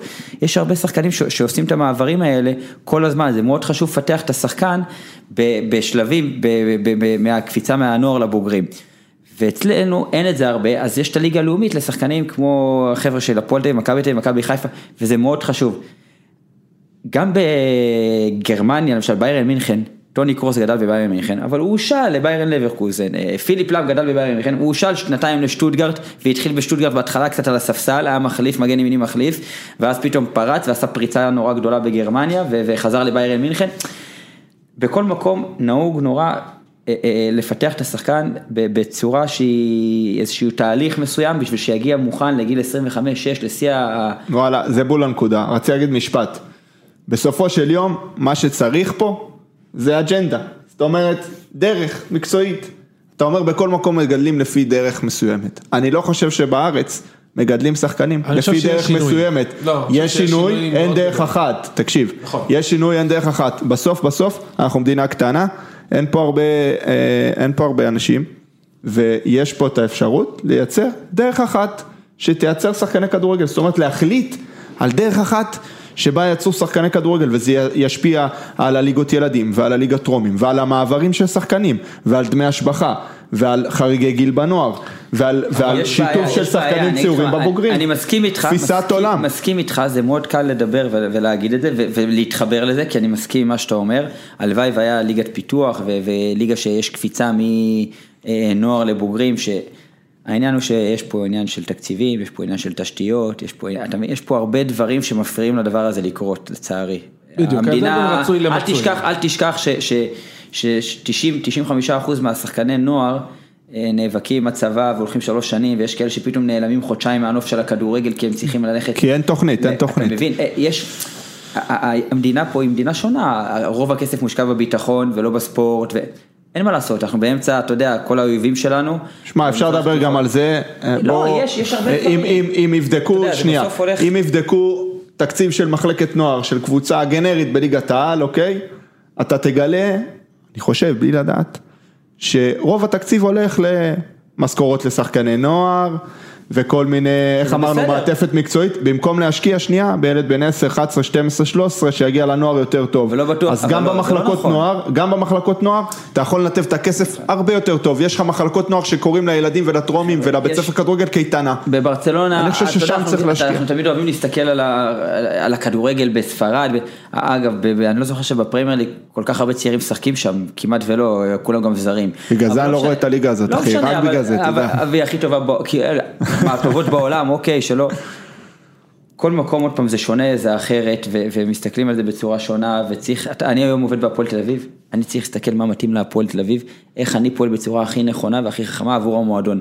מה שרלוונטי שעשיתי בהפועל רמת גן, לא רלוונטי למה שאני עושה בהפועל תל אביב. מחר אני אעבור למועדון שהוא מכבי נתניה, רמת השרון, בית שאן, אני אפעל מה ש... אני, אני אמצא דרך לעבוד בצורה הכי מתאימה. לא הייתי אה, אומר ל- בית שאן אה? בתפקיד שלך, סתם אומר. מה אתה אומר? לא הייתי משתמש דווקא בבית שאן בדוגמה אה, לא. סתם אמרתי נתניה. בוא, לא, נגיד. שאף אה, אחד, אחד מארבעתנו אה, לא יכול לבד לשנות דברים. לא, אבל אתה יכול כן במקום שלך. ובמקום שלך אתה יכול, מאוד חשוב, זה ועדיין, מאוד חשוב. ואגב יש לי על זה הרבה דיונים עם זיו על ה... סליחה שאני חוזר שעה וחצי אחורה לנצח או לא לנצח. שבוע אחורה בשביל המאזינים. כן, שבוע אחורה, עם, עם, עם כמה, ח- כמה חשוב הניצחון. לפעמים צריך למצוא את הבאלנס. שנייה, זה כל העניין, אמרת הדבר הכי חשוב. ברור. רגע, אני רוצה רגע, אני אשמיע רגע משהו של מסאי, של מסאי דגו שדיברתי איתו, שהוא מדבר על, אתה אמרת, צריכים למצוא דרך אחת, עומר, אני יותר מתחבר למה שעומר אמר, אין דרך אחת. זאת אומרת, אני לא חושב שיש דרך אחת, כי בסופו של יום יש לך שחקנים שונים, והמטרה היא לנסות לייצר איזשהו תמהיל, כאילו, כדי לפספס כמה שפחות. אה, מה שנכון לדוידה לצורך העניין, או לנטע לביא, להישאר במכבי חיפה, לא בהכרח נכון לאבו פאני, או לג'אבר, שהיו צריכים לצאת להשאלות כדי לקבל דקות. אז אני לא חושב שיש פורמולה לזה. כן דיברתי על זה עם אסי דגו, שנייה נדבר על זה, ואז משם נעבור לניהול קריירה. הטעות הראשונה שעשיתי זה תמיד, אה, הייתי מאוד שביר ב... החוסר סבלני, לא הייתי סבלני, אתה יודע, אמרתי, כמו שאמרתי, בשנים בתקופה שעליתי לבוגרים בפועל תל אביב, היו שחקנים סופר סופר אה, כן, טובים. ומשמעותיים, וכן, מוכשרים, אז היה לי קשה להיכנס ל... אתה יודע, להרכב ולקבל דקות ארוכות, והיה קשה להוציא את השחקנים האלה מהרכב. אז כל הזמן הייתי, אתה יודע, בא ומדבר עם המנכ"ל, עם, ה... עם האנשים שמנהלים את המועדון, והייתי רוצה לצאת להשאלה. וזאת זה, זאת הטעות הראשונה שעשיתי, שאם היו מביאים אותי אחורה, לא הייתי עושה את זה לרגע. שמע, זה דבר חיפה, והוא שחקן ברמה מאוד גבוהה. אתה שולח אותו להכין עצרת, ש... שהכל שם מבולגן, וההנהלה כולה לחוצה. ומפטרים שלושה מאמנים, והמאמן הזה בא ואומר, עזוב, לא מעניין אותי הילד הזה שמגיע להשאלה עם מכבי חיפה, אני רוצה להביא שם בכיר בליגה לאומית. באותו רגע השחקן סיים קריירה. יפה. מסי אמר במילים אחרות את מה שדיברנו עליו פה קודם. זאת אומרת, יש שחקנים שנכון להם לצאת להשאלה, יש שחקנים שלא נכון. דיברתי עם עדי קוסטה יובל, אה, גם מסי עצמו. כולם אומרים, באופן גורף, הטעות הכי גדולה שלי זה שיצאתי להשאלה. בסדר? שנייה, נתתי גם קונטרה. אמרתי, אוקיי, יש לכם דוגמאות, יש לכם את אבו פאני, יש לכם את... אה, את אה, ג'אבר במכבי חיפה, שרק בגלל שהם יצאו להשאלות הם חזרו יותר טובים. ויש, פרץ, ויש את. הדוגמה הכי מעניינת שהיא מכבי תל אביב, ולכן אני גם אגב בצד של דור. אני כן חושב שיש דרך. יכול להיות שהיא לא ברמת הכלל ארצית, אבל אני חושב שלמועדון יש דרך, ובגלל שמועדונים כמו מכבי תל אביב, הפועל תל אביב ומכבי חיפה מתעסקים עם הרבה שחקני נוער, אז המספרים הגדולים האלה אומנם יכולים לגרום לזה שאתה תפספס שחקן אחד, ואנחנו רואים נגיד, עוד מוקדם להגיד עליו כי הוא עוד צעיר, אבל אילון אלמוג דיברו עליו יותר מאיך שהוא מראה עכשיו, ועל קרצב דיברו יותר מאיך שהוא מראה עכשיו, עוד יכול להיות שהם יעשו את זה. זאת אומרת, יש מצב שאתה תפספס בקטנה, אבל בסוף מכבי תל אביב, אם יורדים למספרים, זה המועדון שמגדל הכי הרבה שחקנים בליגת העל. וזה כי יש איזושהי דרך קבועה, ששולחים אותם, באמת עושים איזושהי הדרגה, שולחים אותם להשאלה בביתר תל אביב, ויודעים מה, עזבו את הדרך הזאת. יש אצלם דרך, ובאמת, יכולנו לדבר פה שעות, אני לא ארחיב על כל המועדונים. במכבי אביב אני מזהה איזשהו משהו, יש מי שהולך למחלקות הצעירות ורואה את הכדורגל שלהם, זה משהו שפטריק הנחיל, ובכלל זה משהו שחשוב לציין. אנחנו עכשיו מדברים על מה שקרה לפני חמש שנים. שחקני הבוגרים שעכשיו, אנחנו מדברים על התנהלות בנוער לפני חמש שנים. מה שקורה עכשיו, אנחנו נראה רק בעוד חמש שנים. אז במכבי תל אביב, בכדורגל של, שפטריק הנחיל שם, אני רואה איזשהו בית חרושת לקשרי אמצע. יוצאים המון קשרי אמצע שנראים באותו סגנון, כולם יודעים פחות או יותר להוציא את הקבוצה מהגנה להתקפה, יש לך עידו שחר ויש לך קרצב ויש לך גלאזר ויש לך דור פרץ ויש לך, לא יודע, קוראים לו ההוא, נידם. יש לך נידם, שנידם זה עכשיו החדש עושה, זאת אומרת, אני אגיד לך מה, אני חושב שכן, יכול להיות שאתה תגיד לי זה לא... לא, כי אתה יודע, אתה אומר פטריק, שאני אגב מאוד מעריך, אבל הוא הגיע שעידו שחר היה בנערים א', או קרצב כבר נוער, אתה יודע, ניר לוין היה איתם, אז- לתת את ה... אז ניר יכול לוין, להיות שזה. ניר לוין, זה לא משנה. ל- זה לא כן, משנה. הנקודה זה שהייתה איזושהי דרך, ו- ומפה אני רוצה לשבור למשהו אחר את האמת. כי אנחנו לדעתי לקראת סיום, בא לי לתת איזה משהו אופטימי נחמד כזה, ולדבר על אה, שנתון 2004. נגענו כל הזמן במשחק של אתמול, עזבו את המשחק של אתמול. לא, אבל אני שנייה רק... אז יאללה, לך על זה. לא, רק משהו אחרון לגבי מה שאתה אומר. למכבי תל אביב יש את האפשרות, למה שמועדונים אחרים אין את האפשרות. יש לה, אפשר, יש לה, יש לה גב כלכלי בלתי נגמר. זאת אומרת, לבוא ולעשות קבוצת בת, ולדאוג לאיצטדיון, לנוער ולקבוצת בת, ולתת את התקציבים שהם נותנים לקבוצת בת. הם פשוט שולטים בקבוצה. זה לא כזה פשוט למועדון לעשות את זה. מכבי. חיפה עכשיו אני עושים... אומר את זה. שיש דרך שמתאימה לכל הד- מועדון. אני אומר, גם... זה לא גם- שהדרך הזאת היא הדרך הנכונה גם לכולם. להפועל תל אביב אגב, אם היה את העניין של, אה, אה, העניין שאין מוגבלות בתקציב, זאת אומרת שאתה לא מוגבל, שאתה יכול, זה, אין ספק שהיום במחלקת נוער של הפועל תל אביב, אם היה לנו קבוצת בת, היינו בעוד חמש שנים רואים את הפועל תל אביב במקום אחר לגמרי, את הבוגרים של הפועל תל אביב. זאת אומרת, אם היה לנו איפה לשלוח את השחקנים האלו שסיימו את הנוער, ולשים אותם, ושאנחנו מנחילים את הדרך שם, ואנחנו קובעים כמה ישחקו ואיך ישחקו, זה אבל דבר זה מבורך. המפתח. זאת- רגע, שנייה, אני ברור. רוצה רגע להתעכב על זה. בדיוק. בדיוק הנקודה. כי במכבי תל אביב, כשהם שולחים אותם לביתר תל אביב, קודם כל השחקנים יודעים שטובים לא טובים הם כנראה ישחקו. הם משחקים באותה שיטת משחק שמתאימה לבוגרים של מכבי תל אביב. הרבה פעמים מאמנים, המאמן האחרון שהיה שם, אה, כן, מאמן כן. שהוא אימן את קבוצת הנוער בשנה שעברה, אליעזר בן אהרון. יפה, אני הוא אגיד כבר לא. מזה. נכון, זה בגלל זה אמרתי האחרון, עכשיו זה קלמי. במכבי חיפה קלמי שדיברתי? עם יובל, שיצא לעונת השאלה בעפולה, סיים אותה עם משהו כמו 17 בישולים, משהו כאילו מטורף, אבל אף אחד לא בדק איתו, זאת אומרת, שעפולה לצורך העניין דאז, משחקת בשיטה שמתאימה לו. הוא יותר מגן התקפי, מישהו בדק שזה מתאים לו? לא, אולי יותר. נכון להשאיל אותו לקבוצה אחרת. חבר'ה, יש דרך, הדרך היא. ברמת ה...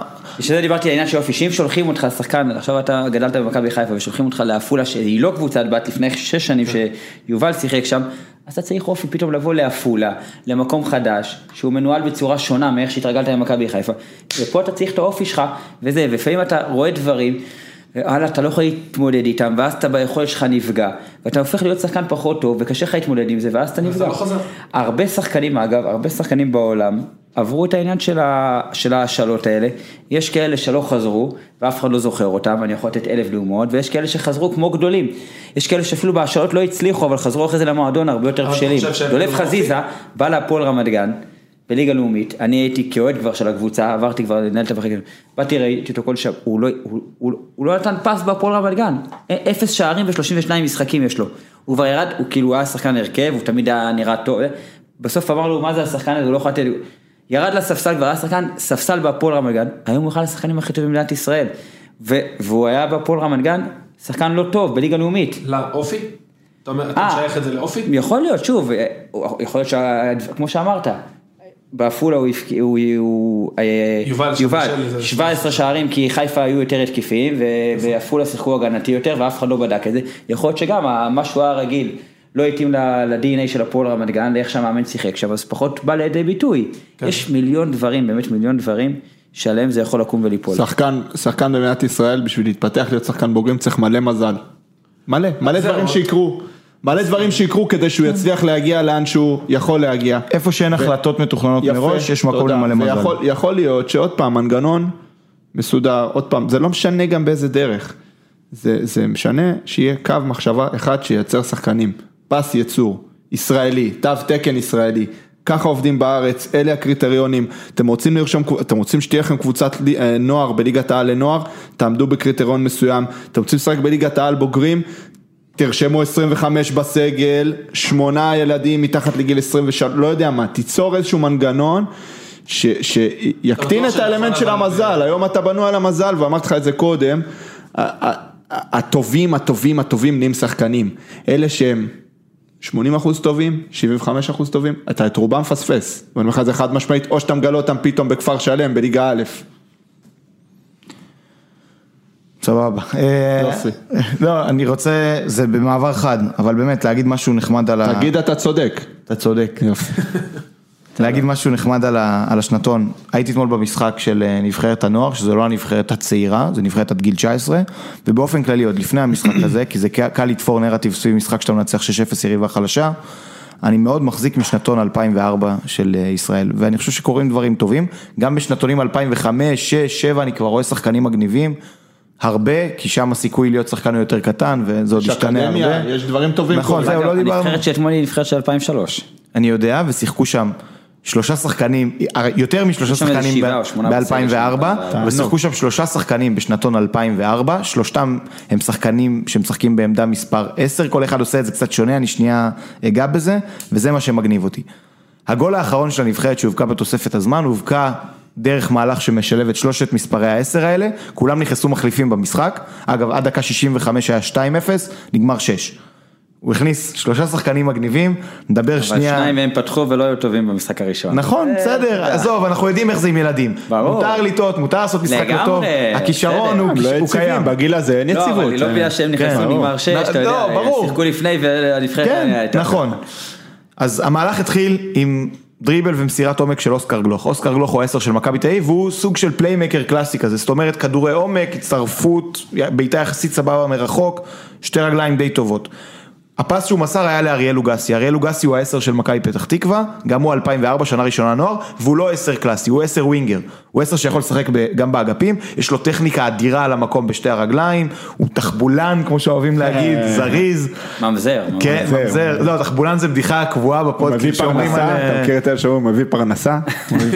ואריאל לוגסי עשה איזה דריבל שם, והעביר מסירת אה, רוחב לטי עבד, שטי עבד זה העשר שגדל בהפועל תל אביב, היום הוא במחלקת הנוער של פס ואיינדובן, וטי עבד הוא, הוא לא עשר שהוא קשר, הוא סוג של second striker, זאת אומרת, בעיניי האיכות העיקרית שלו זה שבתור עשר חלוץ שני הוא גולר, הוא גולר מפחיד. עשר וחצי זה נקרא. כן. אז היה שם מהלך שעירב את שלושת השחקנים האלה, וזה די נדיר שיש לך שנתון כזה, שיש בו שלושה שחקנים שהם באמת בעיניי מסומנים מאוד, ושלושה משחקים פחות או יותר באותה עמדה.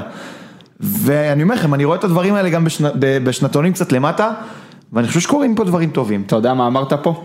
מה? אתה יודע מה אמרת פה? ואני לא, לא מאלה שמנסים להגיד שאני צודק כל הזמן, למרות שאני צודק. שיש לך שלושה מספרי עשר בנבחרת אחת, שכל אחד מהם משהו אחר, אתה מבין שאין דרך אחת. זאת אומרת, בגרמניה, זה טוב, אבל. תקשיב, בגרמניה יהיה טוני קרוס, אחרי זה יהיה ליאון גורצגה, גורצקה. וגורצקה, זה זה, והקשר האחורי יהיה אותו שטנץ, והמגן השמאלי יהיה אותו שטנץ. פה, אגב, עוד פעם, אני אוהב, אני. מעדיף את לא הגישה נכון, הזאת, אני חושב ש... תקשיבו, אני חושב שאוסקר גלוך אוסקר גלוך וסבבה, יש מצב שאתם לא מסכימים איתי עם זה שמכבי תל אביב פס? ייצור לקשרי אמצע. אני חושב שאוסקר גלוך הוא שחקן חריג במכבי תל אביב, כי הוא יוצא מהשבלונה. זאת אומרת, העידו שחרים והנידמים הם שחקנים פחות או יותר מאותו סיסטם, גלוך הוא מיוחד, כי זה כאילו מוטציה על, על הדרך גידול של מכבי תל אביב. זאת אומרת, זה מישהו שהוא קצת שובר שבלונה, הוא יותר חושב עומק, הוא הוא שחקן מדהים. אני הלוואי, מעדיף- כולנו נרוויח. גונדגן הוא מזכיר את גורצקה ו... מי זה, מי? גונדגן, הוא מזכיר את גורצקה. ואת אה, מי שאמרת, טוני קרוס, הוא אותו שחקן. כן, אותו שטנץ, בטח אחי, הם משחקים, אה, עם אותה עמדה, הם ממש לא אותו שטנץ, אה, שחקנים שונים. למה לא? עד שהוא הגיע לפפ גוארדיולה, הוא לא דפק 20 ומשהו גולים בעונה לא, לא כחלוץ אה, לא זה מדומה, העניין אבל תסתכל על הסגנון משחק, על איך הוא. משחק, על איפה הוא עומד במגרש. רגע, רגע, תמשיכו זה שנייה, בוא נסיים את זה, כי אנחנו נוגעים בשלוש שעות, במצטבר. יאללה, מספיק. אז רגע, אני רק אסכם, יש לכם עוד משהו להוסיף או שאני יכול לסכם? שגם ג'רי בית הלוי ב-1938 הושל למכבי רחובות ממכבי תל אביב, אם אתם לא יודעים. אמיתי. ב-1930 ומשהו, 32, 33, לא, לא, לא, אל תגיד, לא יודע, אבל הושל למכבי רחובות ולעוד איזה מועדון. בטח למשטרה. הבריטית הוא הושל. כן, ואז חזר לאיזה 15 עונות פאר במכבי תל אביב. אז גם ב-1912, 13, 15, לא יודע מתי. אנחנו עוד מעט מלחמת 80 העולם שנה. עוד לא סגורים אם נכון לצאת. להשאלות או לא. שאני- אז יצאו להשאלות. אז רגע, אני אגיד רגע וזה ככה. דיברתי הרי לצורך הסינקים, חוץ מהשיחה פה, דיברתי עם סינקים מיד אוקייסי שהוא יליד 72 ועד חבר'ה שהם אה, שנתון 94. אני, שוב, מה שאני יצאתי מכל השיחות איתם, זה שכאילו יש טרנד מאוד מאוד מאוד חיובי של אה, כאילו איפה היינו ואיפה אנחנו היום, יש לזה יתרונות, יש לזה חסרונות, בגדול מרגיש שאנחנו הולכים לקראת עידן הרבה יותר מקצועי. זאת אומרת, אם מדברים על יחס של מאמנים פר ילד או פר נער במגרש האימונים, מעטפת של יועצים מנטליים, תזונאים. שילוב יותר נכון בבוגרים, אם אפשר להסתכל היום, אתה יכול להסתכל במכבי חיפה בקבוצות הגדולות. שחקנים מקבלים שברירי דקות בעונה הראשונה שלהם, אחר כך יוצאים להשאלה לקבל קצת יותר דקות. כאילו, כל הסיפור הזה של לשלב שחקנים מנוער לבוגרים, מרגיש לי לפחות כאוהד מהצד, שאנחנו עלינו על איזושהי, נקרא לזה, על איזשהו טרנד חיובי. יכול להיות שעונת הקורונה תרמה לזה, יכול להיות שהליגה הלאומית תורמת לזה, זאת אומרת, מתחיל להיות פה בית חרושת של כישרונות. להגיד אם סגרנו את הפער מול אירופה, מול אירופה או לא, אני עדיין לא יודע. אה, אנחנו לא מדינה מאירופה שצריכה לסגור את הפער מול קבוצות כן, אבל בסוף אתה מאירופה. רוצה... אנחנו, אנחנו בגלל שאנחנו בבעיה ב... גיאוגרפית. אני. חושב שהנבחרת הצעירה עכשיו ששיחקה, כל ההרכב משחק בליגת העל. חשוב לזכור את זה, אתה יודע, אנחנו. כל הזמן משווים אותנו, ספרד, איטליה, אנחנו פשוט צמודים ללבנון, סוריה, זה, זה גם אני חושב ש... זה הייתה אמורה להיות התחרות האמיתית שלנו. בסדר, מצרים מדינה ענקית, אחי, איפה כן, אתה ואיפה מצרים, הם מאה פי- עשר, כן. לדעתי פי עשר מהגודל מהאוכלוסייה. בסדר, אבל אגב, צריך להסתכל רגע מה, מה הם עושים שם ש, שעובד להם, יש להם עוד כמה שחקנים בטופ. אלג'יריה, מצרים, יש, יש, יש קבוצות ש... הייתי- אני הייתי מסתכל שהצליחו יותר לקרואטיה, מאיתנו. אני אומר לך את האמת, אני- זה אירופה, זה למרות שזה... לא משנה, אני מדבר על לא, ה... עזוב, הייתי באורוגוואי לפני שנתיים. מדינה של שלושה מיליון תושבים. לא, זה מטורף, אחי. אה, זה, אבל תקשיב, על עניין של מסורת, הוא אמר מסורת, אורוגוואי כל זכו במונדיאל בלוק. הראשון, ב- ב- היו, ב- אתה יודע, היו תמיד כן, כן, שם, אני. פרנצ'סקולי, זה, היו שם אגדות כדורגל, תקשיב, כל כל ה... בלוק מגרש דשא, כל בלוק, זה מטורף. זה עניין תרבותי, עזוב, תרבות. דיברנו על זה, כן. מטורף, אבל עזוב, זהו, אנחנו חורגים. בקיצור, מה שרציתי להגיד, אחרי כל השיחות שלי וגם הפוד פה, נגענו בהמון המון נקודות, אין לי מסקנות חד משמעיות, התחושה שלי... יש, כאן יהודים רק רוצים לבנות, רוצים נדל"ן, רוצים להרוויח, מעניין אותם כדורגל אתה חושב? תהיו עורכי דין. פה אנחנו, כל מקום אתה רק רואה מנופים, רק אשכרה, רוצים, אה? מכתש, בום, מה יש, מאיפה שני בניינים באנו, גדולים, זה? הקופסה, בום, תביא, מה יש, רק תוריד את כל המגרשי כדורגל פה, ואז מתלוננים. תן לבנות, כל אחד שיהיה לו איזה זכות לבנות אה, בניין טוב כזה. זה הפוד הבא. אה, כן, אתה יודע איפה- אני, טוב, לא, לא. בפוד הבא אם אפשר שזה, לדבר עליך קצת על שיפוט, זה מאוד מעניין אותי. כבר. היה, אה, היה? היה מגזין שופטים? דיברנו עם מלא דפקו שופטים. אותך השופטים אתמול? אבל הרמת לי פה לבולה, כן. זה מזכיר מעולה. יש אה, פרקי מגזין, החל היה פרק על שופטים, דיברנו עם המון שופטים, יש פרק על זרים, מה זה להיות שחקן זר בישראל, היה פרק על... אוקיי. אה, עשינו אחד על, כן זהו, האמת אפשר להזכיר למאזינים שלנו שאם אתם רוצים את פרקי המגזין הקודמים, אז היה לנו פרק על 20 שנה לסרט בית שאן, סרט מלחמה, היה לנו פרק על שופטים, היה לנו פרק על זרים, היה פרק על כתיבת ספורט והומור, אה, היה לנו פרק על הדרבי הירושלמי שעשה משה זיאת הגדול עם שני עיתונאים אפשר משני משהו בקצרה על הצדדים. הש- על השיפוט? בטח. לא, מה היה, כאילו זה מה, כי אני כל דיברנו הזמן, לך off record. אה? ספר לך off record. פה עוד משהו להוסיף על נוער, נערים, ילדים. אנחנו בדרך הנכונה כן. ושיהיה לכולנו בהצלחה. רק, מ- אז אני אסכם, תחבקו את הכדורגל הישראלי, יש אחלה כישרונות, יש אחלה דברים, מנסים, לה, עובדים פה בצורה מאוד קשה ורוצים רק שיהיה טוב ושהכדורגל יצליח ויתרומם, אבל באמת זה צריך לבוא מכולנו ומאיך שמדברים על זה ומאיך שאנחנו מגיבים בתגובה באיזשהו אתר ספורט או בטוויטר או בדברים האלה. ההפך, תסתכלו על הדברים החיוביים ויש כאלה. אני יש לי הצעה יותר טובה, אל תקראו אתר הספורט. כאילו תתעסקו במהות, אני אומר לך את האמת, אתה עושה ציונות, אני עושה ציונות, יש עוד כמה אנשים שעושים את זה שמייבשים ביצות ובונים כדורגל וזה לא קל, זה עבודה קשה וצריך הרבה סבלנות ושבתות קשות ואמרת שופטים ואמרת הורים ואמרת ילדים ו... ובסוף זה, זה חשוב. חבר'ה תשקיעו בזה, כל מי שעובד במחלקות נוער ושומע אותנו, תחשבו על כולם, לא רק על עצמכם, בואו נעשה כדורגל ישראלי יותר טוב, אפשר. בנימה זו, ביי חבר'ה. יאללה ביי.